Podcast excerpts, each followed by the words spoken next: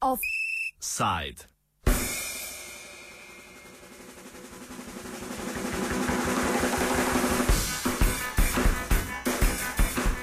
Botanični vrt 203.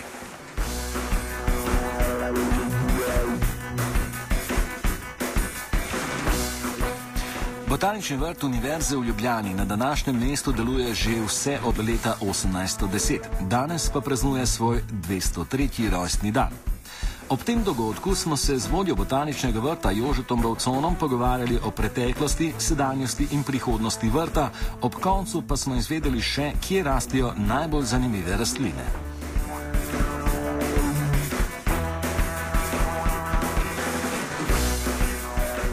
Začnimo s pregledom zgodovine, skozi katero nas je popeljal Jože Bavcon. Zanesljivo je najpomembnejši menik ustanovitev vrta, to je po zgodovinskih verjih 11. julija 1810. Takrat so na tem mestu odprli vrt, Franz Hladnik je bil tisti, ki je tukaj vrt zasadil, ustanovil vodu kar nekaj let. In to je bil recimo tak prvi menik. Pomemben menik je bil seveda z razpadom ilirskih provinc, ko je vrtu grozilo zaprtje, vendar je zopet Franz Hladnik bil tisti, ki ga je uspel obdržati in je vrt v bistvu neprekinjeno deluje do današnjih dni. Zanesljivo je za oment uh, Alfonza Paulina, ki je leta 1886 prevzel vrt in začel takrat uh, že čez uh, tri leta izdajati seznam semen in v bistvu vrt povezal z svetom, z Evropo, kar je bil seveda tudi že prej, sam od tedaj naprej je bil povezan z tiskano uh, znanstveno publikacijo Index Seminom, ki jo tedaj še vedno izdajamo. Kakšen pa je pomen botaničnega vrta za slovensko rastlinstvo?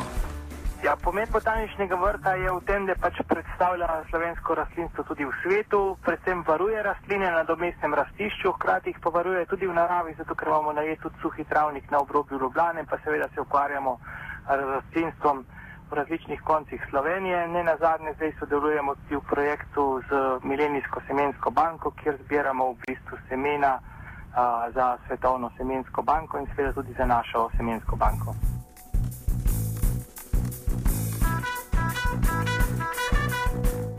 Botanični vrt se ukvarja s širokim naborom nalog. V vrtu nabirajo semena za lastne potrebe in tudi za izmenjavo med botaničnimi vrtovi, imajo semensko gensko banko ter sodelujejo pri izmenjavi seznamov semen z vrtovi po vsem svetu. Poleg tega še raziskujejo slovenske endemite in vzgajajo ogrožene rastline. Ponašajo se s številnimi uspehi, o njih pa nam je več povedal Bovcon. Ja, predvsem je, je to, da v bistvu vrt res predstavlja Slovenijo v svetu, njeno rastlinstvo, zato ker ne na zadnje devet njegovih knjig recimo se prodaja v Angliji, se prodaja v Nemčiji, recimo knjige na svetovnih uh, uh, teh katalogih, kot je NHBS, uh, Kolic, na Amazonu celo. Uh, potem seveda v letošnjem letu so bile priznane sorte zvončkov, katere smo opisali v knjigi leta 2008 in so bile letos uh, strani Kraljevega hortikulturnega združenja za čebulnice in za zemske, ki pristojno uh, za priznavanje imen novih sort vončkov priznane in so pač išle v imeniku, ki je bil to leto izdan. Um, potem je bila v Londonu izdana velika monografija o ciklamah, o celem rodu ciklam in uh, v njej je tudi opis uh, naše raziskovalne dejavnosti pri tem rodu, kar pri nas je ena sama vrsta navadne ciklame in uh, predstavljena je naša knjiga noter, uh, nekaj ugotovitev iz naših raziskav. Uh, to je zanesljivo eden izmed takih pomembnih menikov. Uh, pred kratkim je junija išla knjiga na Dunaju, uh, kjer so predstavljeni evropski vrtovi in tukaj je zopet slovenski botanični vrt, se pravi botanični vrt Univerze v Ljubljani predstavljen, uh, kar pomeni, da to predstavlja tudi Slovenijo v svetu kot uh, turistično zanimivost, da na zadnje 2-7 je bil uvrščen med 178 eh, zgodovinsko pomembnih botaničnih vrtov, če omenim, da je prek 2500 botaničnih vrtov na svetu. Uh, letos so ga odkrili eh, študentje iz različnih držav, tako da imamo zdaj tukaj kar šest študentov na izmenjavi, tako iz Nemčije, iz uh, najelitnejše um, hortikulturne šole. Um, je študentka tukaj že od februarja, potem so tukaj iz Polske dva študenta in trije iz uh, Univerze v Ankari. Še posebej zanimiv projekt, s katerim se ukvarjajo, je Milenijska semenska banka.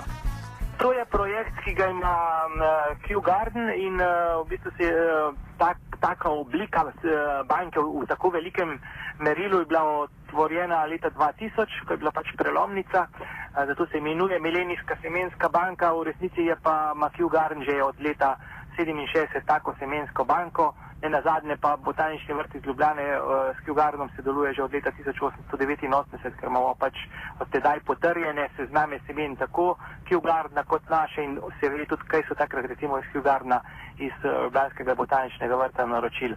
Omenjeni projekt pa predvideva do leta 2020 nad 20% svetovne flore.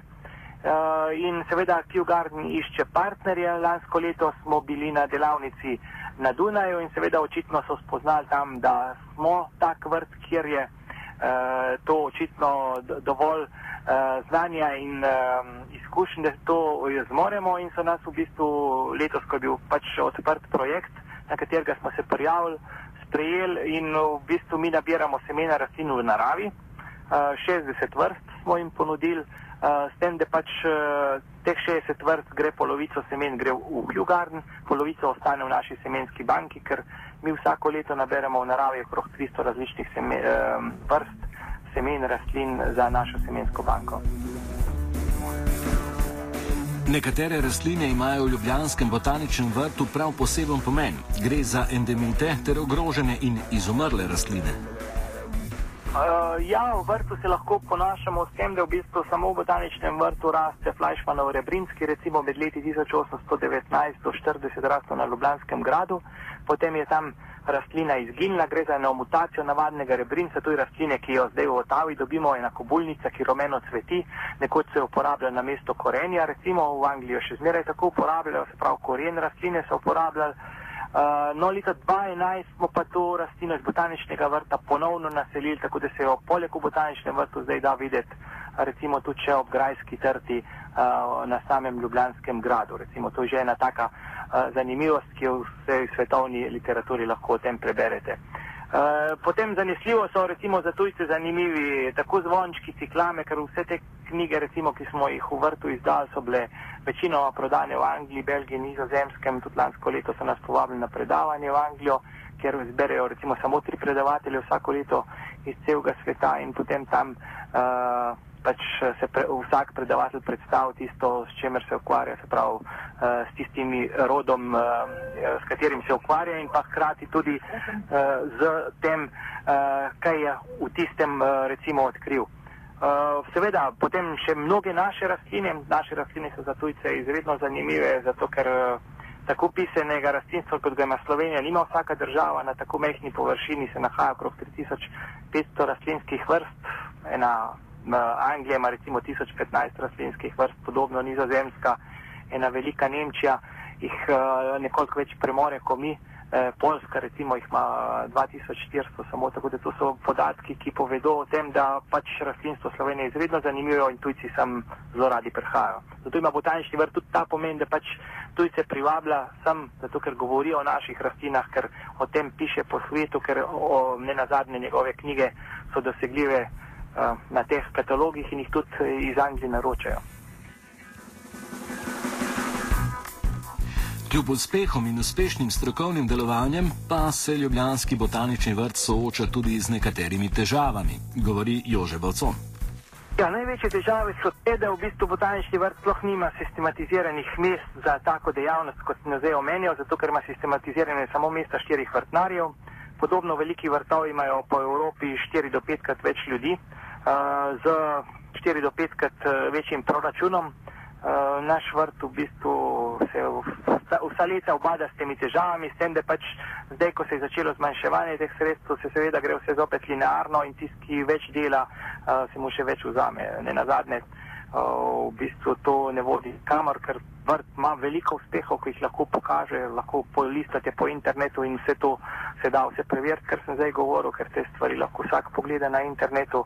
Uh, tako da vrt zanesljivo je tisti, ki Slovenijo dostojno v svetu predstavlja, ni pa seveda ustrezno financiran, ker že prej do krize ni bil. Uh, zdaj, ko je pa kriza, se pa samo vse linearno zmanjšuje in mi padamo, seveda, že tako nič, z nič denarja, še na to, da še od tega nič še manj dobimo in potem je seveda težava toliko večja. Kako pa na rastline vpliva to, da rastejo praktično v središču Ljubljane, ki se ne more ravno ponašati z neosnaženim zrakom? To na rastline v bistvu nekaj dosti ne vpliva. Rastline se prilagodijo, se vidite, da rastline rastejo kjerkoli, tudi ob cestah.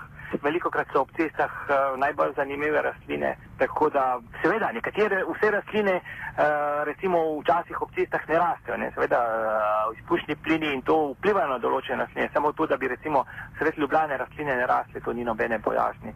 Rastline so izredno trdožive, se prilagodijo in preživijo kjerkoli. No za konec bo Con razlaga še, zakaj ob cestah rastejo najbolj zanimive rastline. Uh, ja, lahko se so veliko ukvarjam s rastlinami, z našimi rastlinami in recimo ravno letos opažam, da so uh, tako zanimive, recimo ob cestah, ker so pač uh, cestni robovi, a so tisti recimo polni zvončko, a so polni ciklama, je tam recimo ena pisana paleta kadulji, ena pisana paleta gadovcev, karkoli, vse to ob naših cestah vidite, tako da so cestni robovi, bi rekel, čisto domače, so naši najlepši vrtovi lahko. Uh, težava je samo v tem, da včasih s temi cestnimi robovi ne znamo gospodariti, ker, ker se pač z mulčerjem gre preveč v živo in seveda se tam vse porazira. Če bi pa znali s tem smiselno gospodariti, pa to uh, so vrtovi, za katere ni potrebno nič narediti, samo enkrat na leto se jih pokosi in je to to.